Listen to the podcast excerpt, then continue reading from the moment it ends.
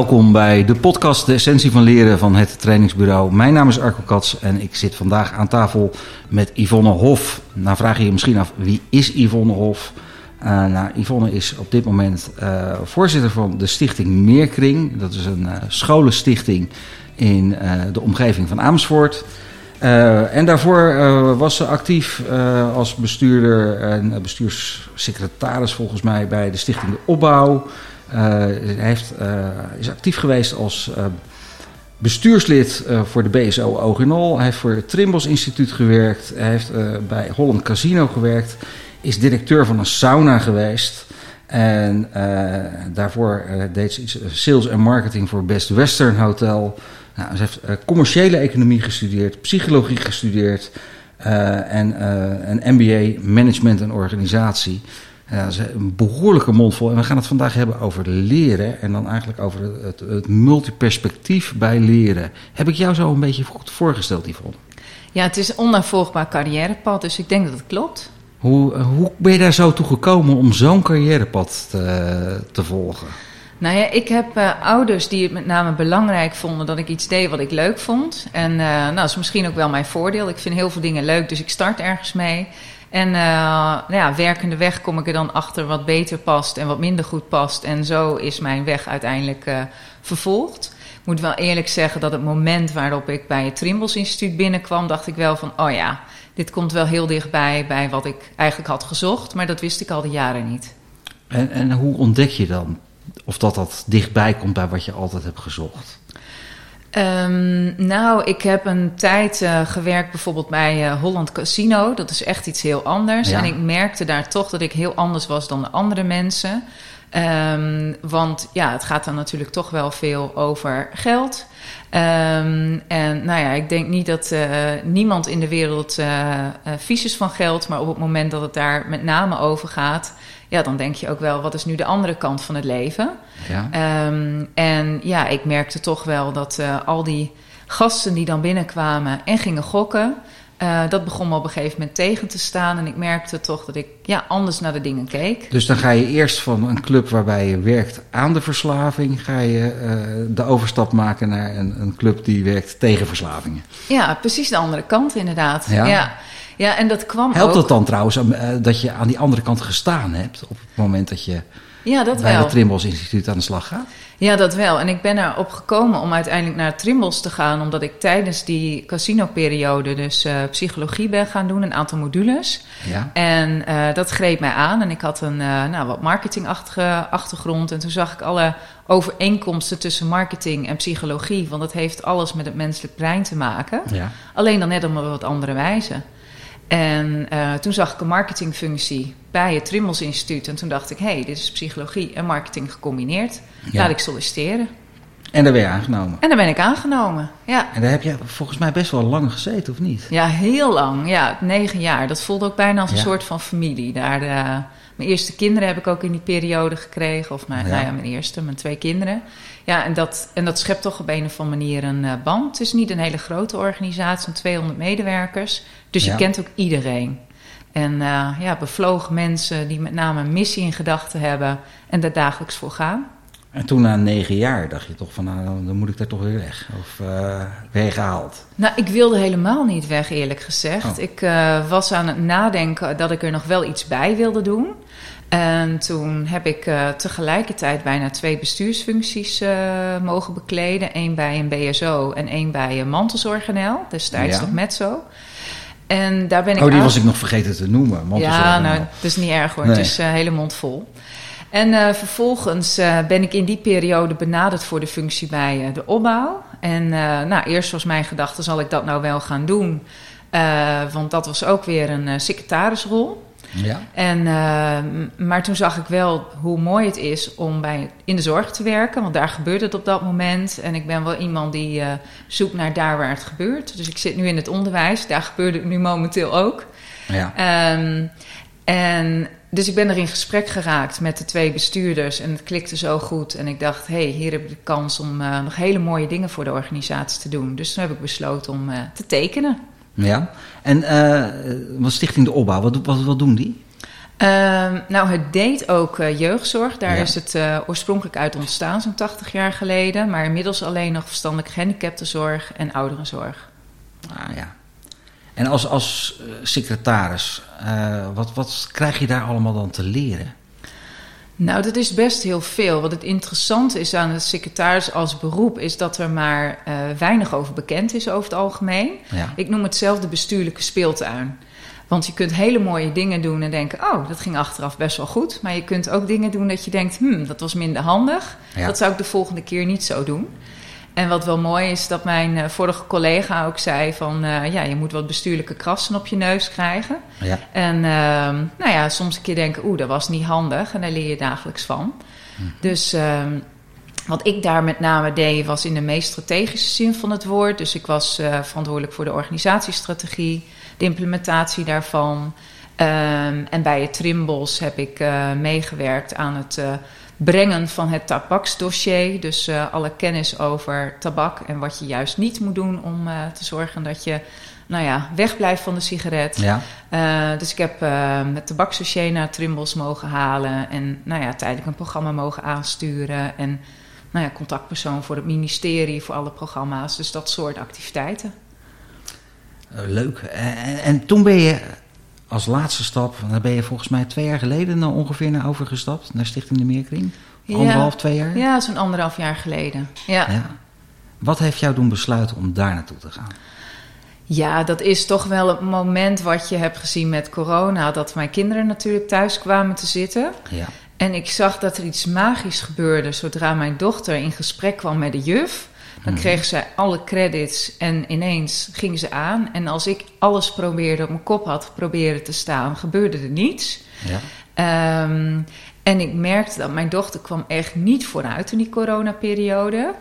En dan had ze de juf vijf minuten gesproken. En dan stond ze weer twee, drie dagen aan. En dan kon ze ineens haar huiswerk weer doen. En toen dacht ik, nou, dit is zo fantastisch wat de juffen en meesters allemaal voor die kinderen doen. Ja, daar wil ik een bijdrage aan leveren. En uh, ja, als bestuurder heb je de mogelijkheid om natuurlijk ook een cultuur te creëren waarin men van elkaar kan leren. En ja, dat is dan toch wel hetgeen wat mij aanspreekt. Ik en, hou van mensen ontwikkelen en organisaties ontwikkelen. En het creëren van een cultuur waarin mensen zich goed kunnen ontwikkelen. Ja. Um, wat, wat zijn voor jou essentiële elementen daarin?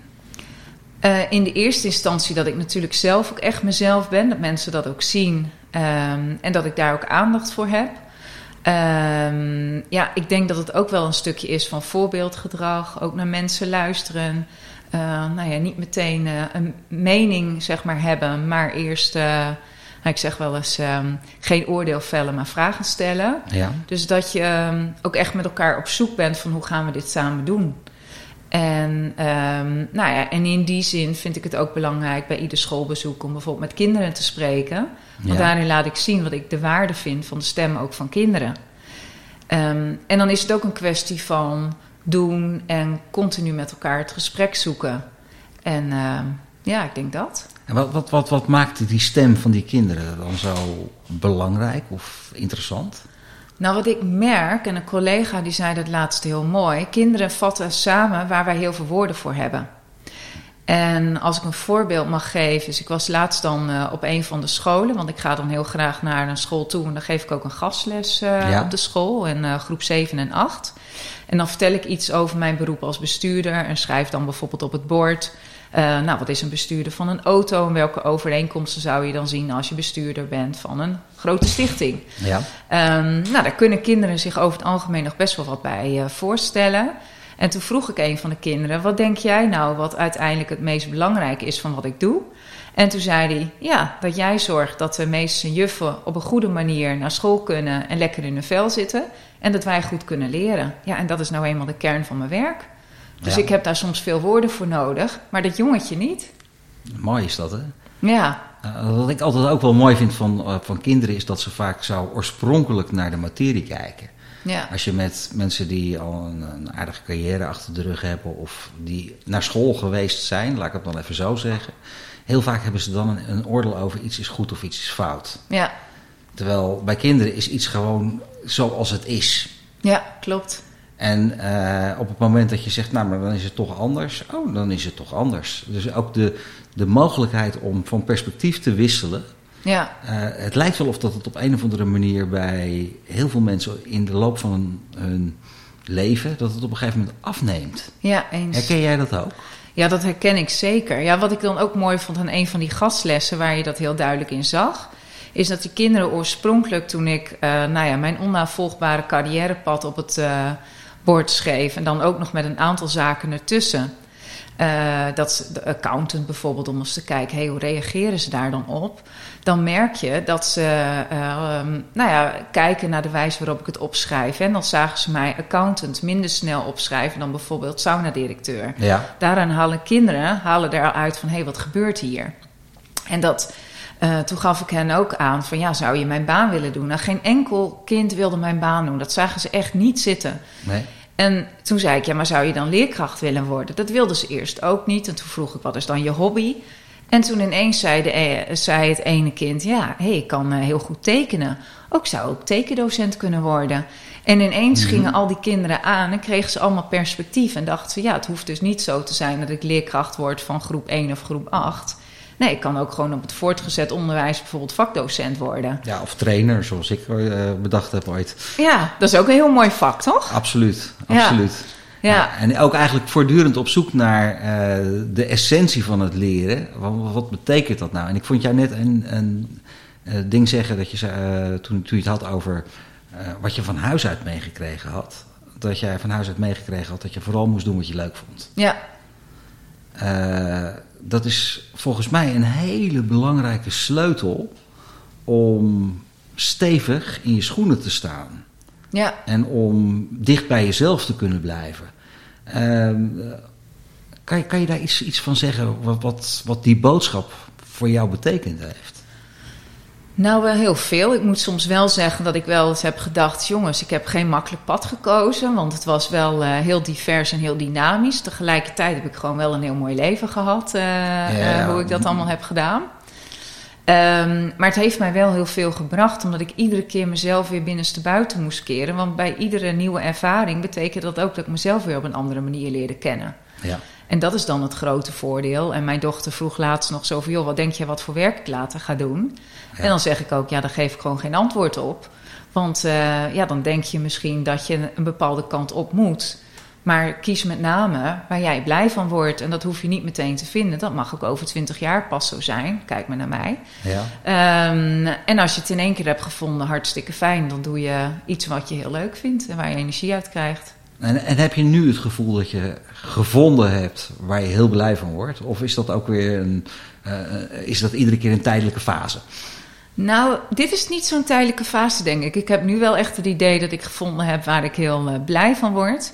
Uh, aan de ene kant om met uh, nou ja, een aantal go goede collega's te gaan bouwen aan de toekomst van dit onderwijs. Ja. En ook dagelijks toch even in die praktijk te zijn. En ik merk ook als ik dan zo'n schoolplein oploop ja, dan vallen voor mij ook een aantal puzzelstukjes weer in elkaar. Waarvan ik daarvoor dacht, hé, hey, dit is best heel ingewikkeld. En als je dan weer die kinderstemmen hoort, dan denk je, oh ja, het kan ook gewoon soms kinderlijk eenvoudig zijn. Dus laat ik het ook niet te ingewikkeld maken. En uh, wat, wat zou jij managers van organisaties mee willen geven op het gebied van dingen kinderlijk eenvoudig maken? Hoe, hoe doe je dat? Ja, nou, wat, wat ik daar zelf wel in doe, is um, ook wel eens uh, in ons uh, managementteam aangeven dat uh, nou, wat wij in de klas doen, een veilige cultuur creëren en elkaar aanspreken als we denken dat het iets minder is, dat je dat ook doet. Maar dan mhm. wel op een positief, constructieve wijze. Ja, dat Want klinkt niemand... heel mooi. Ja, nou ja, goed, het, het, is ook niet altijd leuk natuurlijk. Want wat dat ook wel eens is gebeurd, is dat er bijeenkomsten waren en dat directeuren dan toch um, nou ja, opmerkingen maakten waarvan ik merk dat dat niet helemaal lekker liep bij anderen. Ja. ja, dan bel ik ze daarna wel even. Zeg van joh, ik snap dat je dat vindt. Maar je kan ook iemand één op één eens uh, bellen. En uh, nou ja, positief met elkaar in gesprek erover gaan. Van hé, hey, dit valt me op. Uh, kan ik ondersteunen? Kan ik naast je gaan staan? Dus ik denk dat het met lang, belangrijk is dat je ook vraagt: ja, wat kan ik voor je doen? Want heel vaak reageren mensen ook niet omdat ze per se vervelend willen zijn. Maar omdat mhm. ze iets duidelijk willen maken of dat iets niet wordt gezien. En ik denk die sensitiviteit van iedere manager is echt zo essentieel. Ja. En, en, uh, maar die sensitiviteit heeft niet iedereen gewoon zomaar bij zich. Nee, maar je kunt het ook wel een beetje aanleren, denk ik hoor. Ja. ja. Ja, ook mensen die het van nature niet hebben, heb ik de afgelopen jaren wel gezien dat ze dat kunnen. En dat kan door kleine dingen zijn, door hen aan te geven, joh, vraag eens naar mensen hoe hun weekend was. Mhm. Ehm, en uh, kijk eens naar iemands ogen, hoe staan iemands ogen? Nou, denk ik dat ik gemiddeld wel iets sensitiever ben. Uh, maar toch, mensen die het minder, ehm, minder hebben, die kunnen het zich wel aanleren. Maar die zullen het nooit zo krijgen als dat je dat van nature hebt. En dat is ook niet altijd erg. En hoe, hoe zit dat dan met. Uh, ik kan me voorstellen dat je met, met heel veel mensen samenwerkt en dat er ook wel een aantal uh, best stevige ego's tussen zitten. Uh, die, die, af en toe misschien een beetje afgebroken mogen worden. Loop je daar ook wel eens tegenaan? Uiteraard, ja, wie niet, hè? wat, wat, wat, wat kan je daarin in doen?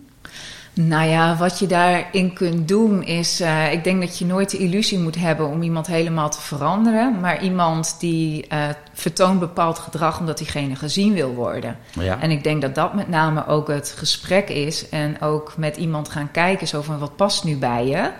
Um, en ook zorgen dat diegene zich daar comfortabel in voelt. En wat je merkt is dat bij een organisatieverandering ja, daar worden mensen onrustig van. En dat is natuurlijk ook logisch. Ja. Uh, want dat is ook eng. Maar juist als je gaat kijken van wat zijn de kwaliteiten van die persoon en hoe kun je dat goed naar voren laten komen. En daar ook achter gaan staan als leidinggever. Dus ook laat zien dat je dat belangrijk vindt. Ja, dan kun je hele mooie dingen met elkaar bereiken. Ik mooie vind is dat je zegt dat mensen als ze lastig aan het doen zijn of als hun, een egootje gaat opspelen, dat het voor een heel groot gedeelte te maken heeft met het feit dat mensen gezien willen worden. Ja, net als kinderen. En, en, dat gezien worden kan je natuurlijk als leidinggevende daar weer van, kan je dat op een heleboel verschillende manieren doen. Uh, dat kan je positief doen, uh, door echt aandacht te hebben en erbij te zijn. Ja. Hoeveel, hoeveel tijd ben jij daar per week mee kwijt? Want nou ja. het klinkt wel alsof dat je echt constant alle radars aan hebt staan. Of? Ja, dat is natuurlijk ook zo. Ik moet wel zeggen dat ik het jammer vind deze coronaperiode, want dan zie ik mensen natuurlijk minder. Ja. Uh, maar mijn boodschap is wel altijd: mijn telefoon staat aan, mijn app staat aan. Als je me nodig hebt, dan ben ik er. En dan kun je me ook gewoon echt 24/7 bellen. Mm -hmm. Ja, dat doe ik direct en indirect. Uh, in gesprekken met medewerkers die weer in gesprek zijn, bijvoorbeeld met directeuren.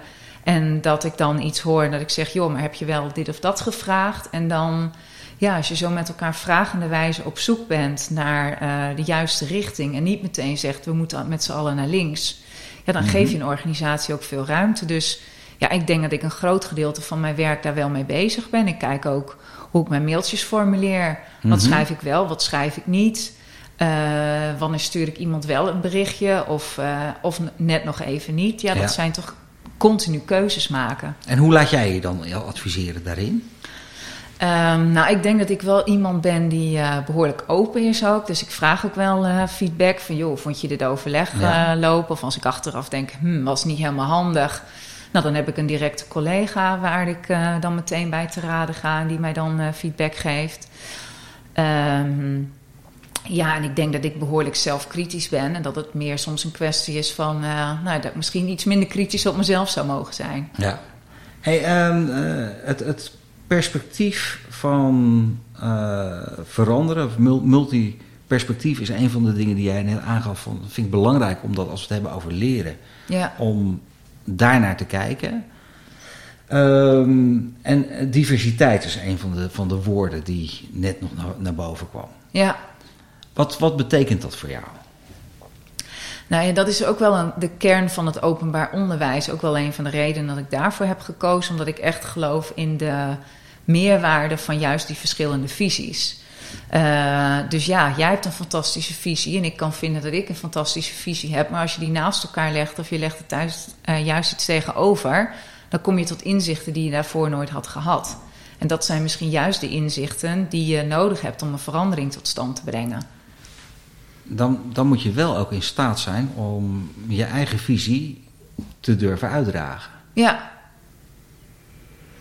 en uh, ja, wat, wat mijn ervaring is als ik met mensen het heb over visies, dan zijn er een aantal mensen die, die dragen die visies vrij makkelijk uit en vinden het ook niet erg als een ander er anders over denkt. Ja. Uh, maar er zijn ook heel veel mensen die dan op zoek gaan om het zo te verwoorden dat het voor degene aan wie ze het vertellen ook weer acceptabel is. Ja, ja. Herken jij dat ook? Ja, Kom je dat ook tegen? Ja, uiteraard herken ik dat ook. En ik denk ook dat het altijd uh, zoeken is. Um, ja, wat ik ook wel vaak zeg in visie, vind je elkaar wel. Dat als je zegt van nou, we gaan goed voor goed onderwijs, wat dan uh, nou ja, het streven natuurlijk in principe is van iedere onderwijsinstelling, in dit geval ook van Meerkring. Ja, daar kan niemand het over oneens zijn. Er kan ook niemand over oneens zijn dat je uh, wil dat iedereen zijn talenten optimaal tot, uh, tot uiting kan laten komen. Maar waar je visies een beetje beginnen te schuren, dan wordt het spannend. Ja. Um, maar het zit heel vaak niet in de visie op, uh, nou wij willen bijvoorbeeld segregatie tegengaan en dat soort zaken. Daar is iedereen het over eens, maar het schuurt pas als het in de praktijk komt. Mo mooi woord, segregatie tegengaan. Ja. Er zijn vast mensen die nu naar deze podcast aan het luisteren zijn, die denken: segregatie, wat is dat? Ja. Doe dat eens even op een kinderlijke manier. dat is een hele goede inderdaad. Nou ja, segregatie is in, in principe wat je ziet, is uh, ook in het onderwijs dat je scholen hebt waar heel veel kinderen bijvoorbeeld met een Turks-Marokkaanse achtergrond naartoe gaan. Um, en dat je scholen hebt waar uh, veel hoogopgeleide mensen zoals wij naartoe gaan. Ja, en dat is een stukje segregatie waarbij je elkaar dus niet tegenkomt in de dagelijkse praktijk.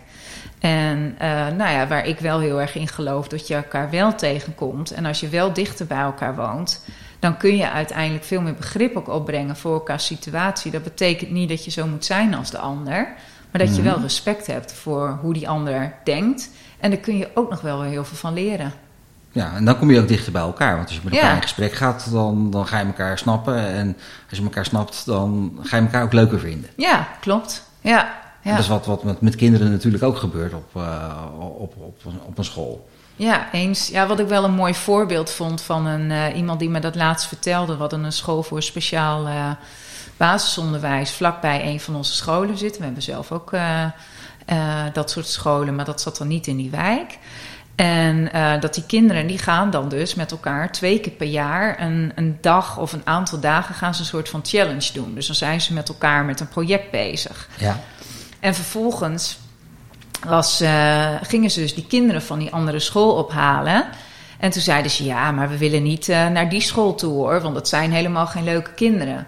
En vervolgens kwamen die kinderen uit die school lopen, waar ze al een aantal dagen mee hadden samengewerkt. En waar ze het enorm mee, uh, goed mee konden vinden. En toen ineens merkten ze: hé, hey, mijn perspectief klopte dus helemaal niet. Ik dacht dat dat geen leuke kinderen waren. Maar kinderen op speciaal basisonderwijs kunnen ook gewoon hartstikke leuke kinderen zijn. sterker dus nog, die zijn ook heel sterker leuk. nog, elk kind en volgens mij ook elke volwassene uh, is in principe een, een, een, leuk mens met leuk gedrag en vervelend gedrag. Ja, klopt. En als je daar zelf van bewust bent, uh, dat je ook zelf en leuk gedrag hebt en vervelend gedrag, ja. dan heb je op een gegeven moment wat meer keuze. Helemaal eens. Ja, ja, ja.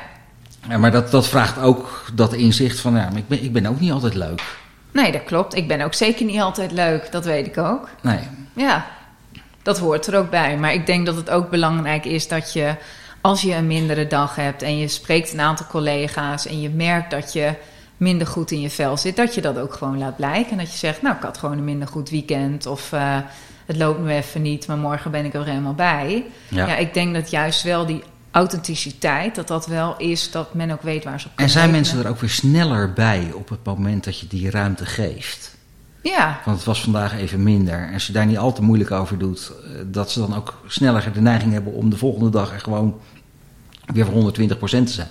Ja, en ik denk dat dat ook een kwestie is van op het moment dat je. Iedereen heeft het nu vaak thuis natuurlijk even ingewikkeld, corona, op welke wijze dan ook. En het gaat er ook om dat je daar begrip voor hebt, dat je mensen de ruimte geeft om daar iets over te zeggen. Uh, dat op het moment dat er thuis iets gebeurt, dat je dan even, uh, nou, toch even een time-out kan nemen van de vergadering en heel even kunt inspringen. En ja, ik denk dat dat heel belangrijk is.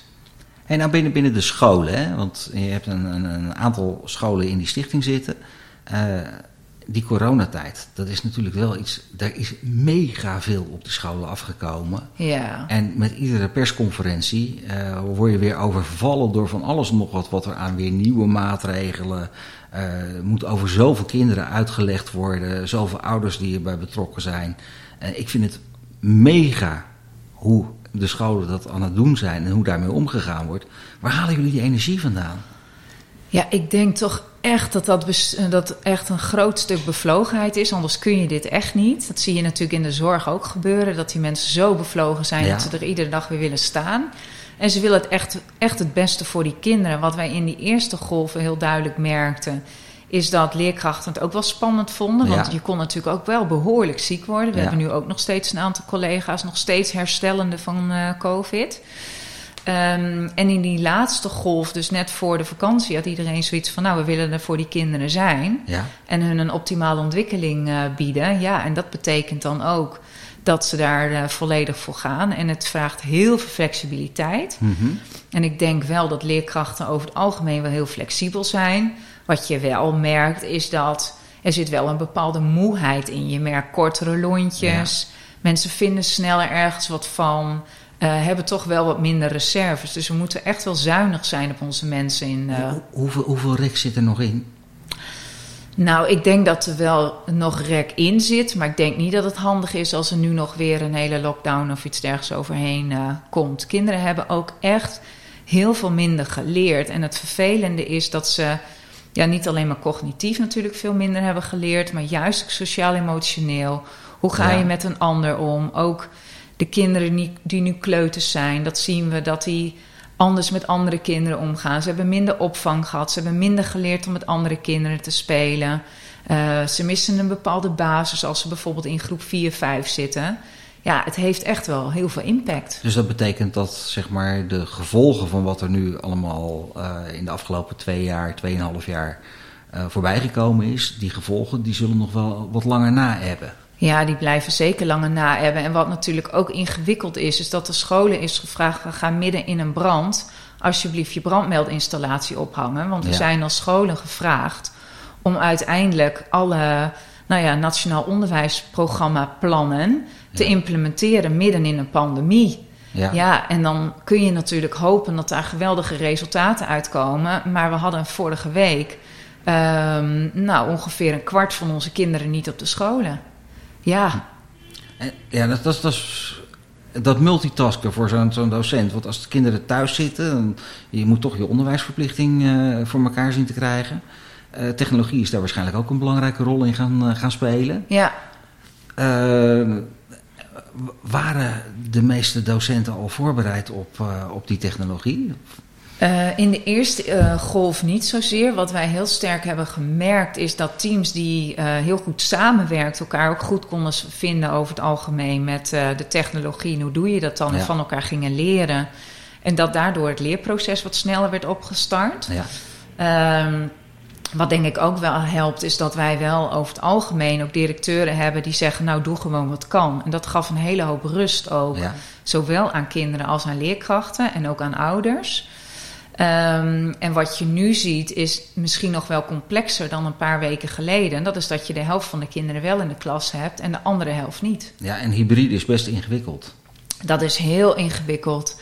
Wat je in de coronaperiode heel sterk hebt gedaan, is ja, echt op de basisvakken gaan richten, ja. rekenen, taal. Um, maar ja, minder op de algemeen vormende vakken. En ja, die waren we net weer aan het oppakken. Toen kwam er weer een lockdown. Ja. En ja, wat je merkt is dat ieder schooljaar begin je in een soort van gouden weken, zo noemen ze dat. Ja. En dat zijn dan de eerste zes weken waarin je een groep met kinderen zorgt dat die nou ja, prettig, veilig met elkaar kunnen leren. Dat die goede sociale interactie krijgen, waardoor ze makkelijker stof tot zich nemen. Dan pak je eigenlijk zeg maar het, het Tuckman-verhaal op. Dat je van vormingfase naar stormingfase naar uh, normingfase uh, gaat. Ja, ja, ja. Ja, en dat, bouwen daarvan is essentieel natuurlijk voor, voor de rest. En hoe, uh, dat, dat is nu ingewikkelder. Ja, dat is ook ingewikkelder. Wat, wat heel vervelend was, en dat hadden we gelukkig dit jaar minder, omdat we één week eerder zijn dichtgegaan met uh, corona. Maar dat jaar daarvoor uh, een behoorlijk aantal weken dicht zijn geweest. Toen hadden we dus net die uh, gouden weken achter de rug. Dus die kinderen zaten weer goed en wel op school. Zaten weer in een groeie groep, in een ja. veilige context en waren weer ontwikkelbaar. Ja. Um, en toen kwam de tweede uh, lockdown eraan. En die heeft echt heel veel impact gehad. Want daarna moesten de leerkrachten weer van vooraf aan beginnen. En ja, dat merk je heel, uh, heel sterk. En ik schat ook zeker in dat dit lang gaat duren. En dat geldt niet alleen maar voor het basisonderwijs, want dat is natuurlijk één. Ehm, maar juist ook wel voor het voortgezet onderwijs. En ook op uh, MBO's, HBO's en universiteiten. Ja, ook de impact daarvan op ja, alle jongeren.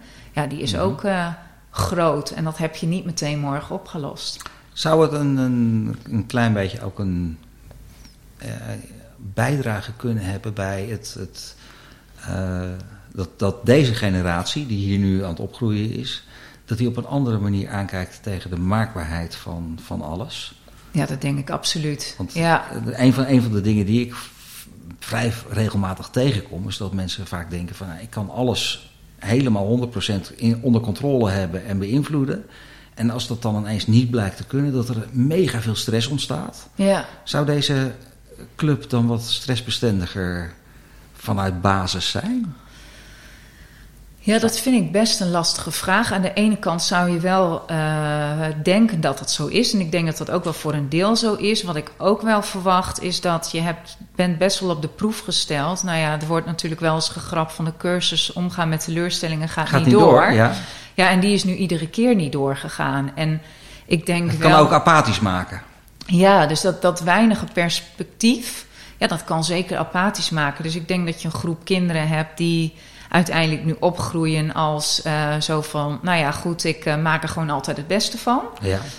Um, want dat hebben ze in deze tijd ook gedaan. Maar er kan ook een groep zijn die toch wat meer moeite heeft. En ik hoorde laatst ook al voor een collega dat, nou ja, uh, zijn dochter ook moeite heeft nu om ineens in een groep te gaan spreken of in een klas iets te zeggen, omdat ze dat niet meer gewend is. Mm -hmm. Dus we zullen ook weer alweer een beetje opnieuw moeten leren. Nu weten we gelukkig allemaal wel uit nou ja, vele onderzoeken dat mensen over het algemeen heel flexibel zijn ja. um, en behoorlijke stappen kunnen zetten. Maar ik denk wel dat we daar als maatschappij gewoon veel aandacht aan moeten besteden. Um, en ook veel meer moeten kijken naar het welbevinden. En nou ja, mijn grote droom is altijd nog wel, als ze het nou in de Kamer voor elkaar zouden krijgen, dat bij iedere beleidsregel die ze wel of niet door laten gaan kijken welke impact dat heeft op de kwaliteit van leven van mensen. Volgens mij hebben we dan enorme stappen gezet. Want dan kijk je echt naar een lerende maatschappij. Maar ook wat betekent dit wat ik nu doe voor een ander? Want het wordt heel vaak niet gezien. En wat betekent hetgene wat ik gisteren gedaan heb voor een ander? En misschien heb ik daar wel een foutje in gemaakt. Heb ik iemand ergens geraakt? Is er iets gebeurd? En moet ik daar ook al open en, en helder over zijn? Ja, absoluut. Ja. Want dat is volgens mij een voorwaarde om als organisatie of als, als maatschappij lerend te kunnen zijn, is dat je je eigen kwetsbaarheid ook aan kan kijken. Ja, eens. En ik denk dat als je dat uiteindelijk gaat doen, dan kun je hele mooie dingen bereiken. Maar op het moment dat dat niet gebeurt, ja, dan vertrouwen mensen het ook niet meer. Want dan weten ze gewoon niet meer wat waar is. Mhm. En uh, ja, we zijn allemaal mensen. We maken gelukkig allemaal fouten. Maar we hebben ook altijd de mogelijkheid om nou, excuses aan te bieden. En vervolgens te kijken, wat heb ik hiervan geleerd? En wat mag ik doen? Ik zeg ook wel eens tegen mijn collega's, heb je dat wel eens tegen die persoon gezegd? Mhm. En dan zeggen ze soms nee. Ik zeg, ja, dan ontneem je die andere persoon dus ook om te leren. Want als diegene geen feedback ontvangt, kan diegene ook niet groeien. Nou, en dan uh, merk je dat ze uiteindelijk toch bereid zijn om het gesprek aan te gaan. dat, is soms best spannend, hè, om, mensen goed van feedback te voorzien. Ja, dat is het ook. Ja. Hey, uh, nou is uh, normaal is zeg maar de, de podcast, als we die opnemen, is die ongeveer een, een half uurtje. Hij staat nu al op 33 minuten. Zo. Dus tijd gaat snel. mag ik jou nog vragen om, om een, een afsluitend iets mee te geven voor de luisteraar van deze podcast? Wat in jouw ogen echt essentieel is, de essentie van leren, om het dan maar even zo te zeggen. Wat, waar moeten mensen vooral heel erg op letten? Nou, durf altijd echt naar de ander te luisteren. En uh, wat ik net zei, geen oordeel vellen, maar vragen stellen. Ik vond het heel erg fijn om dit gesprek met jou te hebben.